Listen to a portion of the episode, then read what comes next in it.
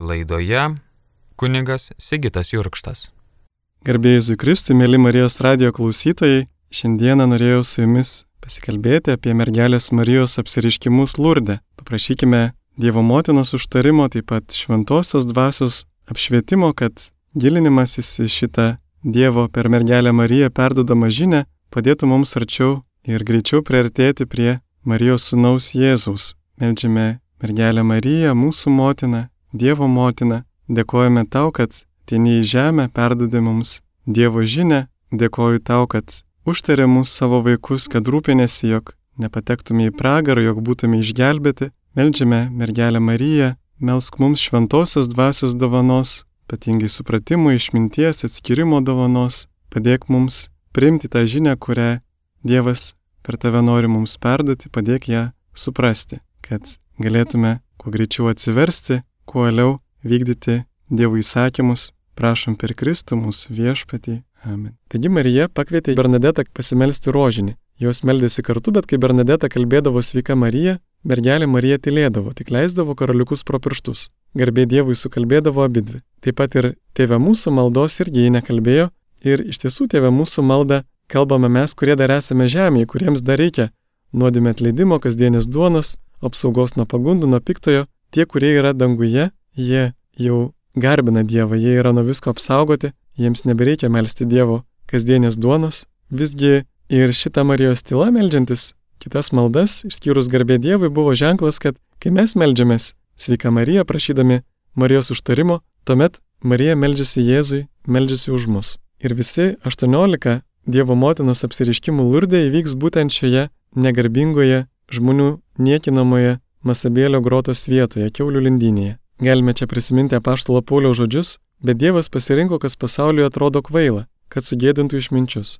Dievas pasirinko, kas pasauliui silpna, kad sugėdintų galinus. Ir tai, kas pasaulio akims žemos kilmės, kas paniekinta, ko nėra, Dievas pasirinko, kad niekais paverstų tai, kas laikoma kažinkuo, kad jok žmogus negalėtų didžiuotis prieš Dievą. Dievas pasirenka niekų laikomą vietą, kad darytų savo didžiausius stebuklus, pasirenka niekų laikomą lygotą, beraštę, vargšę mergaitę iš miestelių niekinamos neturtingiausių šeimos. Tikra tiesa, kad Subirų šeima buvo pati neturtingiausia mieste, o Bernadeta buvo pati didžiausia vargšė mieste, nes buvo ne tik iš neturtingiausios šeimos, bet ir labiausiai lygota, labiausiai neraštinga. Prisiminkime, kad tai buvo Renesansų ir Prancūzijos revoliucijos laikai, žmogaus proto aukštinimo ir Dievo bei bažnyčios, taip pat autoritetų ir tradicijos niekinimo laikai, kada išsilavinę žmonės religiją laikė prietarais, kliūtimi pažangai, o Dievo stebuklus prasimanimais. Ir Dievas tikrai išsirinko mergaitę, kuri buvo pati didžiausia vargšė tose apylinkėse, o ko gero ir visoje Prancūzijoje. Grįžusios abi mergaitės pamatė, kad Bernadetos veidas švyti ir labai nustebo. Vienai mergaitai pasirodė, kad Bernadeta numirusi, bet kita jai protingai paaiškino, kad jei būtų numirusi, tai nepaklupotų. Vėliau sesuo pradėjo kamantinėti Bernadetą, ar ji ko nors nemačiusi. Ji nenorėjo sakyti, bet sesiai netlyštant papasakojo su sąlyga, kad ji niekam nesakys. Visgi mažoji Antanina neištvėrė ir išpasakojo. Tėvai žinoma netikėjo, apibarė Bernadetą. Per kitas dienas Antanina nenulaikė ležuvio, plačiai išpasakojo Bernadetos regėjimą. Po dviejų dienų jau visos mažos lurdo mergaitės žinojo apie įvykį. Po sekmadienio mišių mergaitės ėmė prašyti Bernadetą, kad kartu galėtų nueiti prie olos, kur ši mačiusi regėjimą. Bernadeta buvo klusni tėvams ir be jų leidimo neėjo, jos ėjo tad prašyti mamos leidimo. Tuomet tėčio jie neleido, bet tai išgirdęs tėčio darbdavys pasakė, jei ta ponė, kurią matė Bernadeta, nešiojasi rožinį, tai ji nieko blogo vaikams nepadarys. Ir tėvas, paklausęs jo patyrimo, vaikus išleido. Mergaitės girdėjo pasakojimų, kad gali ir piktosios dvasios apsireikšti, todėl sutarė, kad Bernadeta pašlakstys švestų vandenių regėjimą, kad nepameluotų, kai klaus, ar ji iš Dievo ar iš velnio. Mergaitės nuėjusios į vietą pradėjo melstis rožinį. Bekalbant trečią paslaptį, Bernadeta pamatė apsireiškusiąją. Viena mergytė davė Bernadetai išvesto vandens buteliuką, ši priejo ir pradėjo šlakstyti. Paskui pasakė draugiams. Baltoji panelė nebijo švesto vandens, ji dar juo džiaugiasi. Paskui Bernadeta kurį laiką klūpėjo ir nejudėjo, jos akis švitėjo, veidas pasidarė nepaprastai gražus, vaikai tad bandė prievartą nusitemti Bernadetą namo, bet jie atsakė, kad mato apsireiškusiai ir niekur neis. Tada vaikai pakvietė pagalbant dvi moteris, bet jos neįstengė Bernadetos pajudinti, jie atrodė be galo sunki, nors prisiminkime, tai buvo 14 metų maža mergaitė. Tada pasikvietė stiprų vyrą, jis nustebė žiūrėjo Bernadetą, Vėliau liudijo, kad niekad gyvenimą nėra matęs tokio gražaus atsimainiusio veido. Bernadeta nekalbėjo, jie labai sunkiai ją pakėlė ir vedė, o ji vis žiūrėjo aukštyn, skruostais nuolat redėjo ašaras, bet išipsojosi, į nieką nereaguodavo. Ji nuleido galvą ir vėl sugrįžo į save tik atvesta į malūną, ji papasakojo, ką regėjusi, buvo susirinkę daug žmonių, jie taip pat liudijo apie nepaprastą Bernadetos veido pasikeitimą ir grožį regėjimo metu. Tėvai jie netikėjo, bet nežinojo, ką galvoti, nes Bernadeta niekad nebūtų galėjusi pameluoti.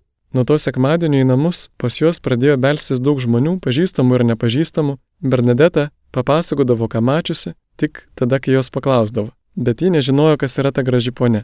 Žmonės nusprendė, kad kokia nors skaistyklos siela, prašanti maldų, greičiausiai Eliza, neseniai mirusi Marijos dukterų draugijos pirmininkė. Ketvirtadienį vasario 18-ąją, praėjus savaitį po pirmo apsireiškimo, Bernadeta patraukė prie grotos trečiąjį kartą. Čia apsireiškusiai, kurią jį vadina Akero, reiškia ta, toji, pirmą kartą prakalba. Bernadeta paprašo, ar būtumėt tokia gera ir užrašytumėt savo vardą. Apsireiškusiai atsako, tai nebūtina. Ir pati paklausė Bernadetos, Ar norėtumėt padaryti man malonę ir ateiti čia 15 dienų? Tai ko gero buvo pirmas kartas, kai kas nors nepažįstamas taip mandagiai ir pagarbiai būtų kreipęsis į vargšę Bernadetą. Žmonės ją laiko nieku, o apsireiškusi jauna moteris, kurios regėjimas Bernadetai visat suteikia didelę ramybę ir vidinį džiaugsmą, paprašo jos malonės, kreipiasi į ją jūs ir rodo jai didžiulę pagarbą. Svarbu ir tai, kad apsireiškusiai prabyla Bernadetai ne prancūzų kalba, bet vietinė gaskonų tarme. Bernadeta supranta, kad yra svarbi Dievo akise ir jo plane žmonijos išgelbėjimui, kad yra asmeniškai Dievo mylima, nes mergelė Marija perdoda jai tą meilę, kurią Dievas ją myli. Ir mus Dievas kviečia dalintis jo meilę, mylėti kitus nežmogiškai, bet taip, kaip Jėzus mus mylėjo, pačia Dievo meilė, šventąją dvasę. Taigi, kai Dievas nori mums prakalbėti, jis pasirenka būdą, kad mes sugebėtume suprasti. Prisitaiko prie mūsų, kalba mums suprantama kalba. Pranašas Izaijas kalba apie žmogaus vertę Dievo akise, ar gali moteris užmiršti savo mažylį, būti nešvelni savo iščių sūnui. Net jeigu jį ir užmirštų, aš tavęs niekada neužmiršiu. Štai, įrėžiau tavo vardą savo rankos delne. Toliau apsireiškusiai prideda, neprižadu padaryti jūsų laimingą šiame pasaulyje, bet prižadu kitame. Labai daug krikščionių visą gyvenimą uoliai meldėsi ir vaikščiai į bažnyčią, staiga supyksta ant Dievo, kai jų šeimoje įvyksta kokia nors nelaimė. Jie tai priima kaip Dievo nesiklausimo ar net nebuvimo ženklą. Bet niekur Evangelijoje Jėzus nepažadėjo mums laimės šiame pasaulyje. Kaip tik jis sakė, tarnas nedidesnis už šeimininką. Jei persekiojo mane, tai ir jūs persekios. Taigi Jėzus ne tik nežada apsaugoti nuo kančių, bet žada, kad jų turėsime papildomai, vien dėl to, kad esame jo mokiniai. Jėzus sako, paskui jūs atiduos kankinti ir žudyti. Jūs būsite dėl manęs visų tautų nekenčiami, bet kas ištvers iki galo bus išgelbėtas. Tad tikėtis, kad jei melsiuosi Dievas dovanos man žemišką laimę, apsaugos nuo kančių yra nesusipratimas. Jėzus niekada to nežadėjo. Po šio Bernadetos pažado ateiti penkiolika kartų jos tėvai abejojo, ar leisti ją ar ne. Visgi įkalbėti kitų, ypatingai Bernadetos krikštamotės, Bernardos, nusprendė leisti, nes Bernarda pati pasižadėjo ją lydėti. Ir taip pat jie nusprendė eiti prie grotos labai anksti, kad būtų mažiau smalsuolių. Lurdo ponai labai šaipėsi iš Bernadetos regėjimų, ypač iš to, kad jie kreipėsi jūs, prašė malonės ateiti, kad kalbėjo vietinė tarme. Juk sakė, jei tai Dievo motina, tai jai nepridara šnekėti kaimietišką tarme. Jei nepridara taip nusižeminti ir šitaip pagarbiai kreiptis į šitą nieko vertą mergaitę. Sekančią dieną vasario 19-ąją Bernadeta kartu su mama ir krikšto mama Bernarda ateina į grotą su žvake. Mergelė Marija apsireiškia, bet neperdoda jokios žinios. Jie kartu meldžiasi. Penktas apsireiškimas vyksta vasario 20 dieną, jau 30 žmonių susirinko pažiūrėti į Bernadetą ir buvo nustebinti jos ramybės, jos maldos įkraščio ir džiaugsmo, taip pat jos veido grožių. Kitą dieną sekmadienį vasario 21-ąją nuo pat ankstaus ryto prie grotos susirinko jau šimtas žmonių. Būdi policija, komisaras Dominikas Žakomė apklausė Bernadetą, ką jie mačiusi, o jie apdarė atsako, kad matė ją, baltai apsirengusią jauną moterį ir ji nežino, kas tai. Nors žmonės ir laikraščiai jau pradėjo kalbėti, kad tai ko gero bus gal ir mergelė Marija. Vasario 22-ąją Bernadetai atėjus po pietų apsiriškimas neįvyksta. Bernadeta nuliūsta, klausė savęs, gal ką blogai padariusi. Mestelėje taip pat prasideda apkalbos. Vasario 24-ąją susirinko 300 žmonių. mergelė Marija prašė atgailos ir atsivertimo, melskitės už nusidėlio atsivertimą. Bernadeta tai pakartojo šaukdama, atsigręžusi į susirinkusią minę. Beje, tai yra pagrindinė mergelės Marijos žinia visose apsiriškimuose visame pasaulyje. Tie dalykai parašyti yra Evangelijoje. Atsiverskite ir tikėkite Evangeliją. Taip pat ir melžiamės mes, tėve mūsų malda, atleisk mums mūsų kaltes. Meldžiamės atleidimo nusidėjėliams. Jėzus taip pat yra sakęs, mylėkite savo priešus ir melskitės už savo persekiotojus, melskitės už savo niekintojus. Mes čia galime neteisingai suprasti, kad Jėzus tai liepia vien todėl, kad mes paliudytume jiems, kad štai mes juos mylime, kad tai būtų kaip artimo meilės gestas. Bet iš tiesų būtent malda už priešus padeda jiems atsiversti. Turbūt Dievas ir leidžia kitiems mus persekioti, kad tuo būdu jų sielos paprašytų mūsų maldos, nes pačios eina į pražūtį. Dar kitoje vietoje skaitome Evangelijoje, būdėkite ir melskitės, kad nepakliūtumėte į pagundą. Tad malda mus saugo nuo pagundų. Malda yra nuodėmės priešingybė. Kaip sakė Šventoji Teresė Vilietė, malda ir nuodėmė negali būti kartu. Arba mes nustojame melstis ir pasinerame į nuodėmės, arba mes ištveriame maldoje ir nustojame daryti nuodėmės. Evangelijose ir laiškuose Naujojo Testamento yra raginimas melstis be paliovos, melstis vieniems už kitus, kad atgautume sveikatą, kad išvengtume pagundų, kad gautume šventąją dvasę, kad Dievo žodis kintųsi kelią, už apaštalus jų tarnystėje, už karalius ir šalis, kuriuose gyvename, kad ramiai gyventume taikoje. Jėzus ragina, kaip minėjau, melsis už priešus ir pats tai daro kryžiaus papėdėje, melsdamasis, tėve, atleisk jiems, nes jie nežino, ką daro. Taip pat ir šventasis Stepanas meldėsi už žudikus, viešpatie, neįskaityk jiems šios nuodėmės. Taigi malda už nusidėlius yra Biblijoje, Jėzus liepia tai daryti ir pats tai darė. Bet Marija mums ateina priminti to svarbą. Apaštalas Jonas rašo, mes tvirtai pasitikime juo, nes ko tik prašome pagal jo valią, jis mus išklauso. Tad galime būti tikri, kad tai yra Dievo valia, prašyti nusidėlio atsivertimo ir kad jis tikrai mūsų išklauso, kai šito prašome. Yra dar viena mislinga Jono Evangelijos vieta, aš jūs išsirinkau ir paskyriau, kad eitumėte, duotumėte gausių vaisių ir jūsų vaisiai išliktų, kad ko tik prašytumėte tėvą mano vardu, jis visą jums duotų. Čia aiškiai matome, kad išliekančių vaisių, o tai ir yra turbūt nusidėlio atsivertimas, kada žmogus gimsta amžinajam gyvenimui, mes duodame ne iš savęs, bet prašydami tėvą Jėzaus vardu. Tai reiškia melzdamiesi. Mes duodame vaisių būtent per maldą. Grįžtant prie apsiriškimų lurdę, Marija paprašo iš pažiūros keistų dalykų. Už nusidėlio atsivertimą ne tik melstis, bet ir eiti keliais, valgyti žolę, kapstyti ir bučiuoti žemę, gerti purviną vandenį iš ištryškusio šaltinio, Bernadeta tai daro. Jos veidas pasidaro purvinas, žmonės laiko ją pamišelę. Tai yra ne tik klusnumo auka, kurią atlikti buvo bjauru ir kuri užtraukė žmonių paniką, bet tai, kaip ir patys apsiriškimai, yra pranašiškas ženklas. Prisiminkime, kad pranašams Dievas liepdavo žmonių akivaizdoje atlikti keistus gestus. Pavyzdžiui, pranašo Ezechieliui Dievas netgi liepia atlikti visą eilę tokių gestų, pavyzdžiui, netgi ant galvijų išmatų ugnies išsikepti ir suvalgyti duonos. Tai simbolizavo busimos tremties pranašystę. Bernadetos atveju purvinas vanduo gali simbolizuoti nuodėmingus malonumus. Žulės valgymas gyvulišką elgesį arba rūpinimąsi vien laikinais dalykais, kurie išnyksta kaip žolė ir apleidimą amžinųjų dalykų.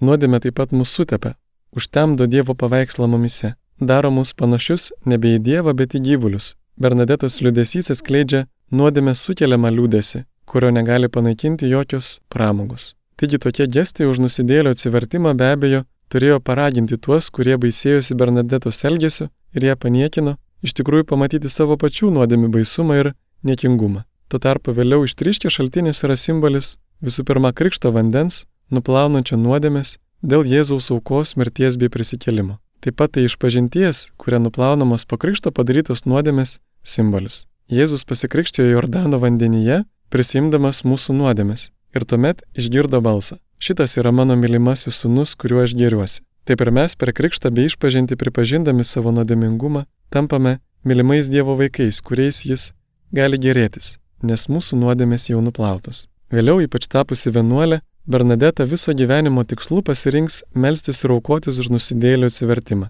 Marija ir mus į tai ragina, kiekvieną žmogų, tave ir mane visus, kurie klausomės, kurie išgirstame tą žinią. Bernadeta suprato, kad tai didžiausias Jėzus ir Marijos širdies troškimas, kad tai Dievo įsikūnyjimo žmoguje tikslas. Kartą kažkas ją paklausė, ar ji daug meldžiasi už sielą skaistykloje. Jie atsakė, kad taip, bet dažniau meldžiasi būtent už nusidėlio atsivertimą, nes sielos skaistykloje jau yra išgelbėtos. Tai tik laiko klausimas, kada jos regės Dievą. Tuo tarpu nusidėlių sielos, jeigu niekas už jas nesimels ir nesiaukos, pateks į pragarą, jam žina kančią. Todėl būtent už jas visuomet prašo melstis mergelę Mariją.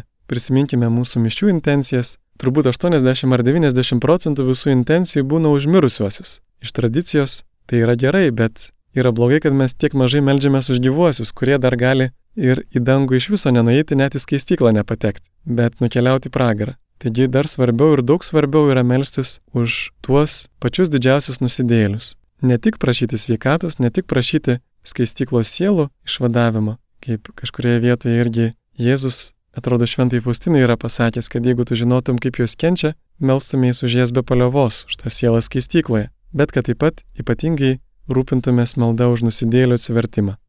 Devintojo apsiriškimo metu susirinko daugiau nei 300 žmonių, tarp jų ir kilmingieji, vietoj švytinčios Bernadetos ekstazės jie ją mato ir vėl vaikščiojančią ant kelių, valgančią žoles, kapstančią žemę. Taip jis susipurvina veidą, o kilmingiesiems tai proga ją ir toliau paniekinti. Mergelė Marija nurodo Bernadetai šaltinio vietą. Iš pradžių vanduo buvo toks purvinas, kad ji tris kartus jį išspjovė, nepaėgė atsigerti. Beje, jos atrastas šaltinis ir šiandien vis dar duoda 40 litrų vandens per minutę, 10 tūkstančių litrų per dieną. Ištriškus šaltiniui į Lurdo grotą pradėjo plūsti minio žmonių. Ir miestelio valdžia ir policija ir bažnyčia tai trikdė. Valdžia ir policija siekė įbauginti Bernadetą, bet tuščiai. Vasario 26. Nepaisant keisto Bernadetos elgesio, žmonių vis gausėja. Prie grotos susirinko jau 600 žmonių. Tačiau Marija nepasirodo. Jie apsireiškė sekančią dieną ir vėl paprašo Bernadetos tų pačių atgailos gestų už nusidėjėlio atsivertimą. Vasario 28-ąją susirinko daugiau kaip tūkstantį žmonių.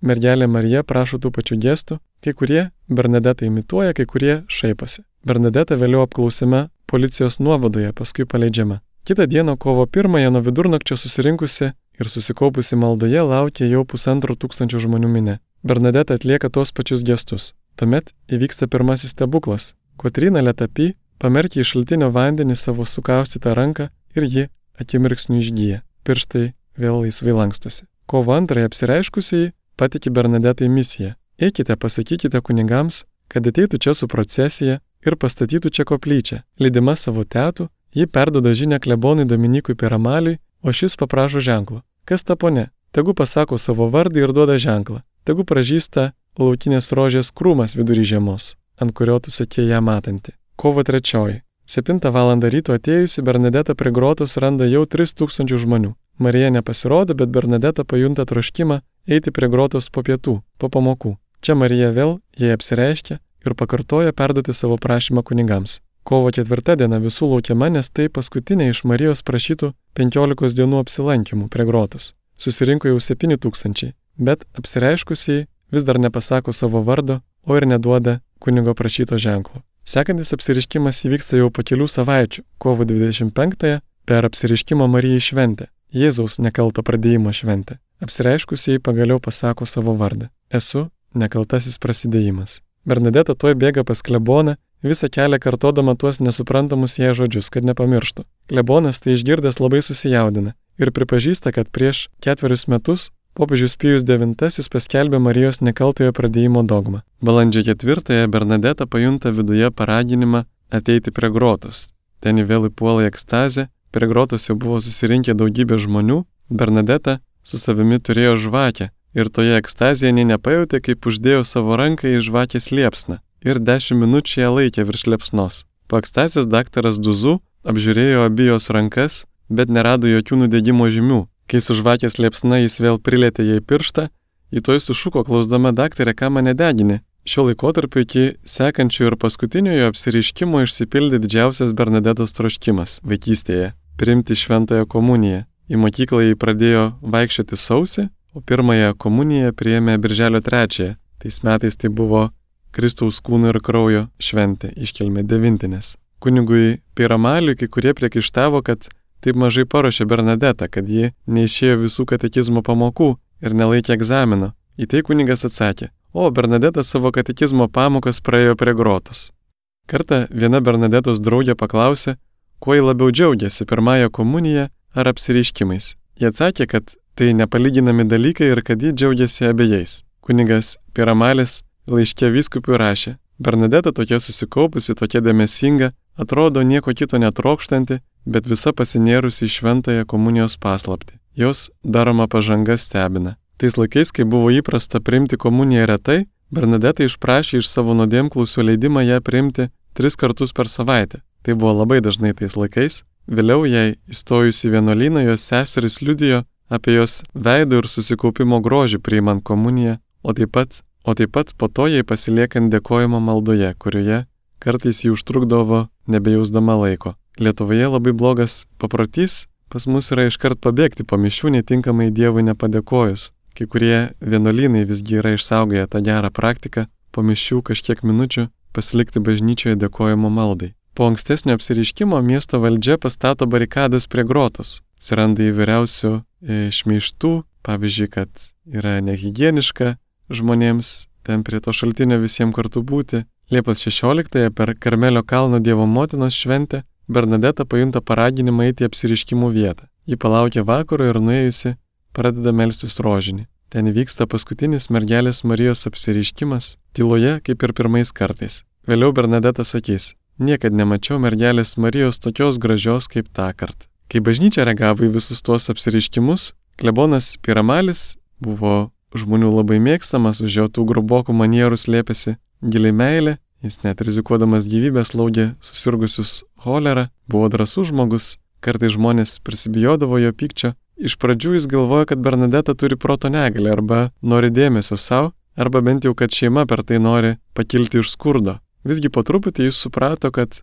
šeima nesiekia iš to jokios naudos, o mergaitė visai nėra kvaila. Bet, ir kas svarbiausia, jis pradeda pamatyti gerus apsiriškimų vaisius. Žmonės grįžta į bažnyčią, daugiau jų eina iš pažinties, Visi stengiasi nors kiek daugiau mylėti kitus. Pirmą kartą Bernadette apsilanko pas kleboną kovo antrąją, po 13 apsiriškimo, kuomet apsireiškusieji paprašė perduoti kunigam žinę. Vos atėjusi į išpiškiną, ponė sakė ateiti su procesija. Kunigas supykęs toj užtrankė jai prieš veidą duris, vėliau Bernadette prisiminė, kad pamiršo pasakyti antrą dalį. Ji vėl grįžo pas kleboną ir šis tą kartą jau skyrė jai laiko, ją išklausyti ir apklausti. Bernadette, įsidrasinusi, persako antrą pranešimo dalį. Pone sakė, eikite pasakyti kunigams, kad pastatytų čia koplyčią. Klebonas paprašo, kad pone pasakytų savo vardą ir padarytų, jog visų akivaizdoje pražystų tas laukinių rožių krūmas, virš kurio Bernadeta sako matanti apsireiškusiai. Laukdama tokio stebuklo, įsekanti apsiriškimą susirinks 20 tūkstančių minė.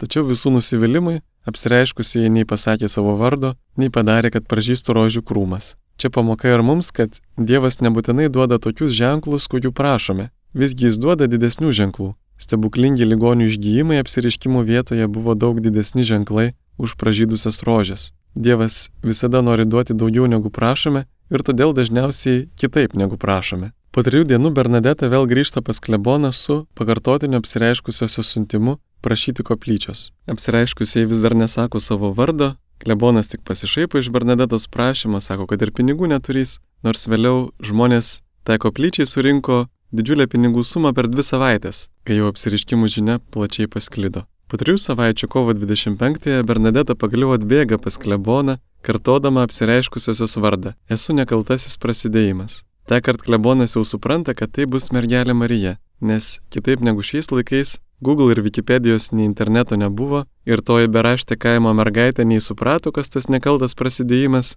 nei galėjo kažkaip sužinoti apie tai. Juk jei būtų norėjusi apgauti, žinoma, kad būtų sakiusi, jog ji matė mergelę Mariją. Marijos apsiriškimai nebuvo naujas dalykas Prancūzijoje. Visai neseniai, prieš 28 metus, buvo įvykę apsiriškimai Kotrinai Laburė Paryžiuje, o vos prieš 12 metų dviem piemenėlėms Maksiminui ir Melaninai Lasaletėje. Vos apsiriškimams pasibaigus tą patį mėnesį vietos vyskupas įsteigė apsiriškimų tyrimų komisiją ir nepraėjus nie keturiems metams, 1862 sausio 18 dieną, vyskupas pripažįsta apsiriškimus antgamtiniais, autentiškais. Reikia pastebėti, kad toks greitas apsiriškimų pripažinimas ir prieimimas įvyko ir dėl istorinės situacijos, kuomet bažnyčiai buvo labai reikalinga tokia antgamtinė dangaus pagalba, nes tuo metu visuomenė laikė stebuklus nebūtais dalykais. Taip pat greitas pripažinimas įvyko ir dėl pačios Bernadetos mažumo, neturto bei šventumo. Buvo visiškai aišku, kad ji tokia maža ir menka negalėtų viso šito išgalvoti. Pavyzdžiui, nors ji su šeima gyveno visiškame skurde, ji neprieėmė iš gausių lankytojų necento ir neleisdavo savo šeimai imti. Bernadeta kartą valdžios tardoma pasakė, kad apsireiškusiai poniai nepatiktų, jeigu ji ką nors imtų iš piligrimų. Tuo apsireiškimo metu taip pat brendo ir pačios Bernadetos pašaukimas. Tuo metu balandžio mėnesį po 17 apsireiškimo Lurdo meras pasiūlė Bernadetai finansuoti pasirengimą profesijai, kurią jį pasirinks. Tačiau Bernadeta atsisakė ir pirmą kartą prabilo apie savo pašaukimą. Noriu būti vienuolė, pasakė jį merui. Bernadeta labai troško pati iki galo gyventi tą žinę, kurią jai patikėjo mergelė Marija, ypač melstis ir aukotis už nusidėlių atsivertimą, kas yra dažniausias mergelės Marijos maldavimas daugumoje apsiriškimų vietų visame pasaulyje. Čia mes galėtume lengvai nuslysti į tokį pasaulio gelbėjimą savo jėgomis. Vieni galvoja, kad jį išgelbėti gali mokslo pažanga, kiti, kad švietimas, kiti stengiasi gelbėti pasaulį socialiniu darbu, netgi Evangelijos skelbimu ir visi tie dalykai yra geri, bet mergelė Marija mums perdoda žinę, kad malda ir auka yra tas kelias, kuriuo gelbstimos sielos. Visi kiti dalykai yra po to, tačiau be maldos ir aukos už nusidėlio atsivertimą jie nevaisingi.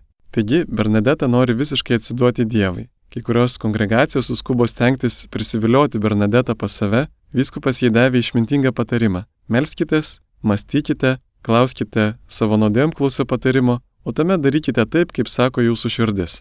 Kaip vaikystėje Bernadetos tikslas buvo pasiruošti pirmąjį komunijai, taip dabar jos tikslas - aukti meilėje Dievui ir artimui. Po apsiriškimo Bernadeta pasilieka gyventi Lurdė dar aštuonerius metus. Tuomet, būdama 22, išvyks stoti į Neveros seserų vienuolyną. Ji išsiunčiama į toliausią vienuolyną nuo Lurdo, kad galėtų ramiai ir slapta gyventi vienuolišką gyvenimą, nevarginama lankytojų. Po apsisprendimo įrašė Neveros seserims. Norėčiau įstoti pas jūs, nes jūs rūpinatės vargšais, o aš myliu vargšus. Noriu stoti pas jūs, nes man gera būti pas jūs. Ir jūs nedarėte man spaudimo, kad pas jūs stočiau. Iš tiesų Neveros seseris turėjo dvigubą misiją - slaugyti vargingiausius ligonius ir mokyti vargingiausius vaikus. Novicijate Bernadeta gauna ne tik abitą, bet ir naują vardą - sesuo Marija Bernarda, turėtume pastebėti, kad Bernadeta neskuba, nesileidžia manipuliuojama, bet leidžiasi vedama pilnoje savo laisvėje ir eina Dievo valios atskirimo atpažinimo keliu.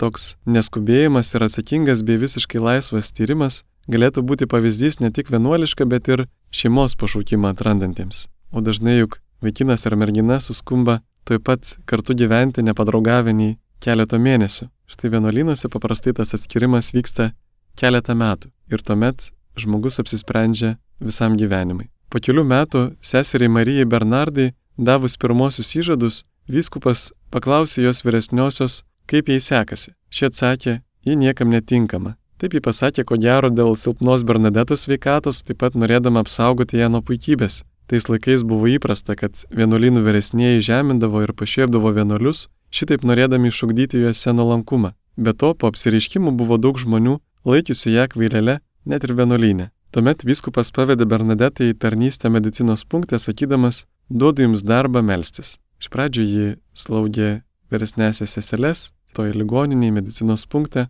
vėliau jau pati atsigulė į tą ligoninę. Kaip medis pažįstamas iš vaisių, taip ir sesers Marijos Bernardos tarnystė medicinos punkte atskleidė visą plokštę jos darybių. Jie net vėliau buvo patikėta tapti to punkto atsakingąją. Tačiau pati Bernadeta sakydavo, kad ji yra kaip šluota, kurią padeda į spintą, kai darbas baigtas. Keturis paskutinius savo gyvenimo mėnesius sirgdame tuberkuliozę, ji gulėjo lovoje, kurią vadino savo baltąją koplyčią. Vienintelis papuošimas joje buvo kryžius. Jo vieno man užtenka, sakydavo ji. Dvi dienas prieš mirtį sesuo Marija Bernarda, malūnininko dukra, sakys, esu sumalta kaip kviečio grūdas. Galėtume ir mes kartu pasimelsti už pašaukimus, atgaivink mumise viešpatė meilė Euharistijai ir mūsų įsipareigojimą tarnauti visiems tiems, kuriuos sutinkame savo kelyje, kuriems reikia pagalbos, te užtaria mus šventoji Bernadeta, kuri sujungė savo gyvenime Euharistiją ir tarnystę, kuri šiandien gyvena šviesoje tavo artumoje. Prašome per Jėzų Kristų mūsų viešpatį. Amen. Šis Euharistijos ir tarnystės sujungimas Bernadetos gyvenime yra galingas priminimas mums, kad Jėzus per paskutinę vakarienę įsteigė ne tik Euharistiją, bet ir kojų plovimą, liepas mylėti kitus, kaip jis mus mylėjo, tarnauti kitiems visiškai nusižeminant. Pirmųjų amžių bažnyčioje aukos suneštos tikinčiųjų per mišes visų pirma buvo skiriamos vargšams. dėje mes tikriausiai pamiršome tą kojų plovimo pavyzdį. Šiandieną Lietuvoje galėtume tikrai oliau siekti to nusižeminimo ir tarnystės vargšams, nepalikdami tai vien saujeliai profesionalų ar karitiečių, taip pat valstybės institucijoms, juk visa socialinė veikla iš tikrųjų prasidėjo bažnyčioje. Bernadeta išbuvo vienuolynė beveik 13 metų iki pat savo mirties 1879 balandžio 16-osios. Buvo kaip tik trečioji Velykų diena, jai tuomet buvo 35. Čia galime pastebėti, kad nors Dievas daugybę žmonių išgydė nuo tuberkuliozės į Lurdę, ta lyga tuo metu buvo nepagydoma, bet pačios Bernadetos neišgydė ir pakankamai anksti ją pasiemė pas save. Čia irgi atsiskleidžia, kad netaip svarbu, kaip ilgai mes gyvename, bet svarbu, kaip šventai mes gyvename. Viso istorijoje yra netgi visai jaunų šventųjų, netgi vaikų šventųjų. Prisiminkime, kad ir Fatimos regėtojus, Pranciškų, Jacintą, kuriems buvo apie dešimt metų, kai jie mirė. Svarbu, kad mes taptume šventaisiais, o ne tai, kad gyventume labai ilgai. Taip pat svarbu, kad visas ligas, visas kančias paukotume už nusidėlio atsivertimą, o ne kad jų išvengtume. Popiežius Pijus XI paskelbė Bernadetą palaimintąją 1925-aisiais, šventąją 1933 gruodžio 8. Jos kūnas iki jos paskelbimo palaimintąją buvo tris kartus ekshumuotas ir rastas niekiek nesuiręs. Du kartus jis buvo vėl palaidotas, bet nuo 1925 išstatytas stiklinėme karste Neveros seserų koplyčioje. Apie jos negendantį kūną National Geographic yra pastačiusi tokį dokumentinį filmą 2005 metais Sleeping Beauties The Incorruptibles. Deja, to filmo niekur neišeina rasti internete, nebent yra rusų kalba prastos kokybės įgarsinimas Viečinė tyla amžini kūnai. Tame filme mokslininkai tyrinėja tuos negendančius kūnus, bando įvairiai paaiškinti natūraliai. Na, mokslo toks ir uždavinys - viską bandyti natūraliai paaiškinti.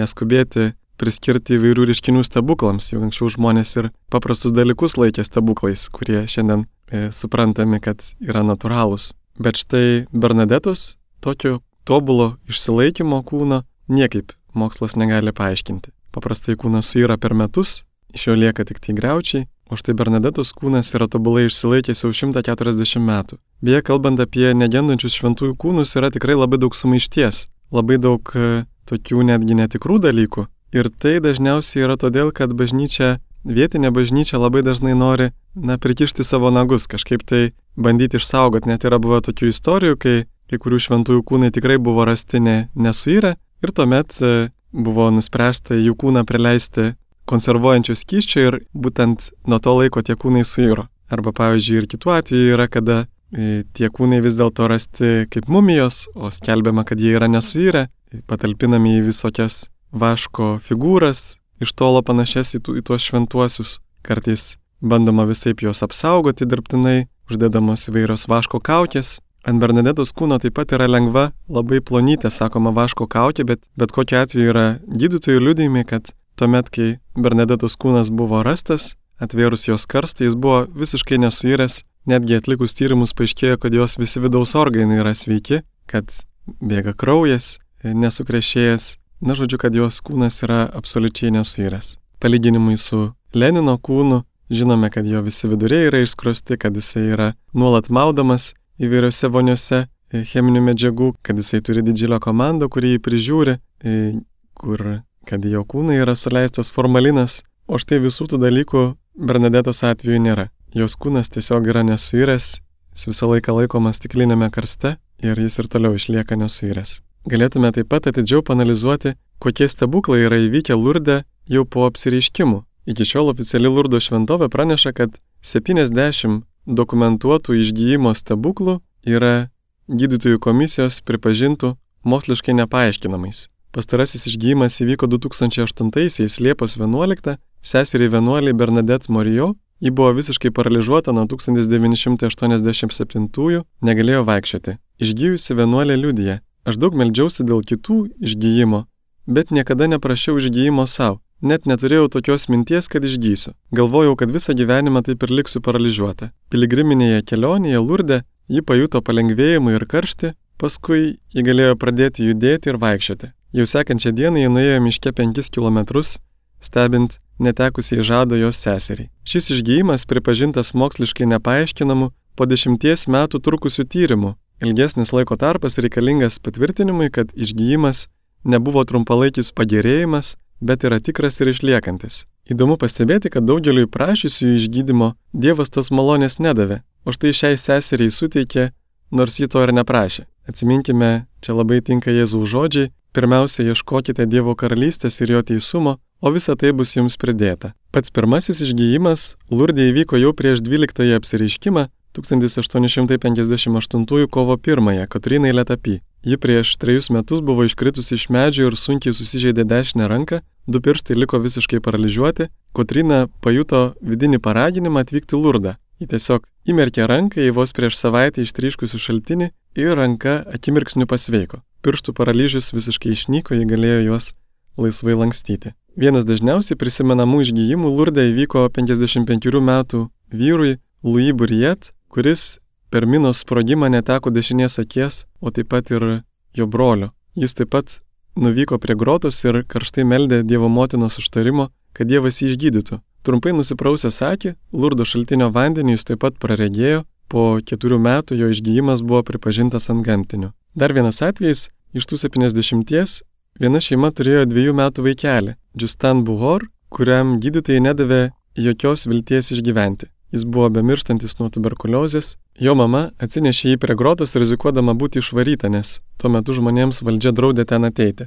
Ji karštai meldėsi ir nuprausė prie grotos savo vaikelį. Kita diena Justinas pasveiko ir netgi sulaukė Bernadetos paskelbimo šventąją po 75 metų. Šis atvejis aiškiai parodo, kad tai nėra savitaiga, nėra placebo efektas, nėra įsitikinimo efektas, juk vaikui buvo 2 metai ir jis tokių dalykų nesuprato. Serge Perrin būdamas 35 metų susirgo reta neurologinė lyga, pamažu visiškai apako, kars nuo karto net prarasdavo sąmonę, jo lyga progresavo, o gydytojų prognozijas buvo niūrios. Jis nuvyko į Lurdą 1969-aisiais, bet jo sveikata niekiek nepagerėjo. Visgi žmonos paskatintas, kad ją nuramintų, jis atvyko antrą kartą po metų. Kai tik tai ten prieėmė ligonių patepimo sakramentą, tuoj pradėjo matyti, nors dar neaiškiai, po kiek laiko jis visiškai pasveiko. Taigi žmonių patarimų kartais visai verta paklausyti.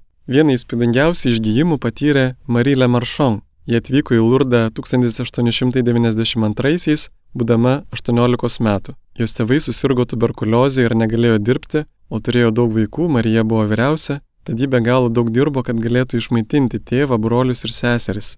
Tačiau dėja jau užsikrėtė tėvų lyga, jos veidas nuo odos tuberkuliozės vadinamos vilklygė ėmė pūti ir reikėdavo kelis kartus per dieną perišti, duokiančios votis apdengęs kruostus, nosį, viršutinę lūpą, akių vokai apšašo, lūpos baisiai išsiputė, nosies kremzlė buvo beveik sugraužta, visi vos ją pamatę šlikštėdavosi, traukdavosi į šalį. Puvimas prasidėjo ir ant kairės kojos blausdos, dar daugiau, nuėjusi pas gydytoją, jis sužinojo, kad ir abu jos plaučiai yra apkresti tuberkuliozės. Nuo to laiko dar beveik 60 metų tuberkuliozė buvo medicinos neišgydoma lyga. Marija atvyko į Lurdą ir kaip tik traukinėje sutiko garsų prancūzų rašytoją Emilį Zolę, kuris kaip tik irgi ten vyko. Jie taip pat, laukiančią eilės prie šaltinio, apžiūrėjo vietos gydytojas, kuris nuėjo saunės, nieko nebegalėjo padaryti jai. Kai jį pasiekė šaltinį ir palėtė vandeniu sergančias vietas, pajuto juose labai stiprų skausmą ir staiga išgyjo. Ant supūvusių vietų tiesiog užsitraukė oda, lūpų sutinimas praėjo, patikrinę plaučius gydytojai neberado juose ir tuberkuliozės, taip pat buvo išnykusi ir žaizda ant, ant kojos. Šis stebuklas buvo tiesiog akivaizdus Dievo galybės parodimas, nes tai ne tik, kad buvo išgymas iš nepagydomos lygos, bet tiesiog akimirksniu pasikeitė jos išvaizda. Iš viso nuo apsireiškimų pradžios Lurdo medikų komisija gavo apie 8 tūkstančius pranešimų apie išgyjimus ir dabar tebe gauna praktiškai po vieną per savaitę, tačiau tik 70, tai yra mažiau negu 1 procentas pripažinti stebuklingais. Iš to galim daryti išvadą, kad bažnyčia nesivaiko stebuklų, bet labai kritiškai juos tyria. Prisiminkime kad panašus procentas yra ir pripažintų apsiriškimų. O svarbiausi stebuklai ir išgyjimai juk įvyksta žmonių nemirtingose sielose, būtent jas siekia Dievas išgydyti pirmiausia ir jokia komisija negali jų ištirti. Jeigu norėtume daugiau paskaityti apie Lurdų įvykius, 2020 metais yra išverstas Franz Werfel, e, žydo, kuris matė stebuklus, Lurdė ir pats įtikėjo, pasaulinis bestselleris Bernadetos gesmė. Pagal jo romaną pastatytas juodai baltas filmas Bernadetos gesmė, pelnęs kelis Oskarus. Ta filmą su lietuviškais subtitrais galite rasti ir YouTube kanale Katalikų tradicija arba svetainėje krikščioniški filmai LT. Taip pat e, ruošiamas ir 1988 metų dviejų dalių meninio filmo Bernadeta vertimas. Tas filmas tikrai yra turbūt ko negeriausias, geriausiai pastatytas, išlaikant didžiulę pagarbą apsireiškusiai apsireiškimams ir kartu, na tai labai gražus filmas. Kaip jau minėjau, tą 2005 metų National Geographic dokumentinį filmą apie negendančius kūnus, jį galima rasti YouTube kanale rusų kalba Spešė Krasavici Viečinė tyla. Taip pat 2000 metais leidikla Eidai išleido žymiausio pasaulio Marijos apsiriškimų tyrinėtojo Rene Laurenten knygą Bernadetos gyvenimas. Galbūt ją dar pavyktų jums kur nors rasti. 1999-aisiais lietuvių kalba išleista to minėto garsaus prancūzų rašytojo, vis dėlto jis buvo ateistas ir naturalistas Emilio Zolia knyga Lurdas. Ir nors jis pats savo akimis regėjo net keturis stebuklingus išgyjimus, tame tarpe ir tos minėtosios Marilė Maršom, savo knygoje jis viską iškraipė, viską priskyrė hipnozijai ir nenorėjo pripažinti, kad tai stebuklai. Jis sakydavo, kad, na, bet nebent jeigu pamatyčiau, kaip atauga nukirstas pirštas, gal ir patikėčiau, kad stebuklai gali egzistuoti. Jam buvo daug svarbiau jo naturalizmo ideologija, neigianti bet kokią stebuklo galimybę negu tikrovę, kurią jis pats matė savo akimis. Taigi šios knygos, kaip ir visų kitų Emilio Zolė knygų, visiškai nerekomenduočiau. Na nebent krosniai pasikurti. 20 amžiaus pradžioje keliais leidimais Amerikoje lietuviškai išleista vyskupo Petro Būčio knyga Švenčiausios panos Marijos apsiriškimai liurdė. Tai turbūt vienas išsamiausių, net 500 puslapio apimties šaltinis lietuvių kalba. Apibendrinant, per tuos 18 apsiriškimų Marija Bernadetai pasakė palyginti nedaug žodžių. Tačiau lurdo žinę sudaro ne tik mergelės Marijos žodžiai, bet ir gestai, ženklai. Per šiuos Marijos apsiriškimus Dievas norėjo pamokyti apšvietos puikybės ir maišto prieš Dievo laikotarpį išgyvenančią žmoniją nuolankumo ir padėti suprasti, kad mus sutepa neskurdas, ne iš jo kylantis nešvarus darbas ar nešvarus drabužiai ar nežinojimas, bet nuodėmė. Dievas pasirinko pačią neturtingiausią ir mažiausią, mažiausiai išsilavinusią lurdo mergaitę, net savo ūgiu, metro keturiasdešimties, ji buvo mažiausia tarp keturiolikmečių bedramžių. To Dievas nori parodyti, kad ne tariamame išsilavinime, ne mokslo pažangoje, ne intelekto koficijente ar mokslinėme laipsnėje, ne kūno stiprume ar gražume yra žmogaus didybė, bet meilėje Dievui ir nuolankume. Sa žmonijos istorija juk ir liudija, kad būtent dvasingiai vargdieniai yra atviriausi Dievui, o ir pats Dievas būtent per juos nuveikia savo didžiausius darbus. Bernadeta pati paskelbta šventąją ne todėl, kad matė mergelę Mariją, bet todėl, kad sugebėjo priimti tą Dievo meilės dovaną, kasdienį atspindėti kitiems yra sakiusi, nenorėčiau gyventi nei akimirkos praleistos nemylint. Tad dėkojime Dievui už tai, kad Jisai siunčia mergelę Mariją, kad duoda ją mums kaip motina, už jos nepailstamą užtarimą, saugančią mus nuo piktosios dvasios, nuo nuodėmės ir prašykime jos užtarimo. Mėly Marijos radio klausytojai, apie švenčiausiosios mergelės Marijos apsireiškimus Lurde jums pasakojo kunigas Sigitas Jurkštas. Likite su Marijos radiju.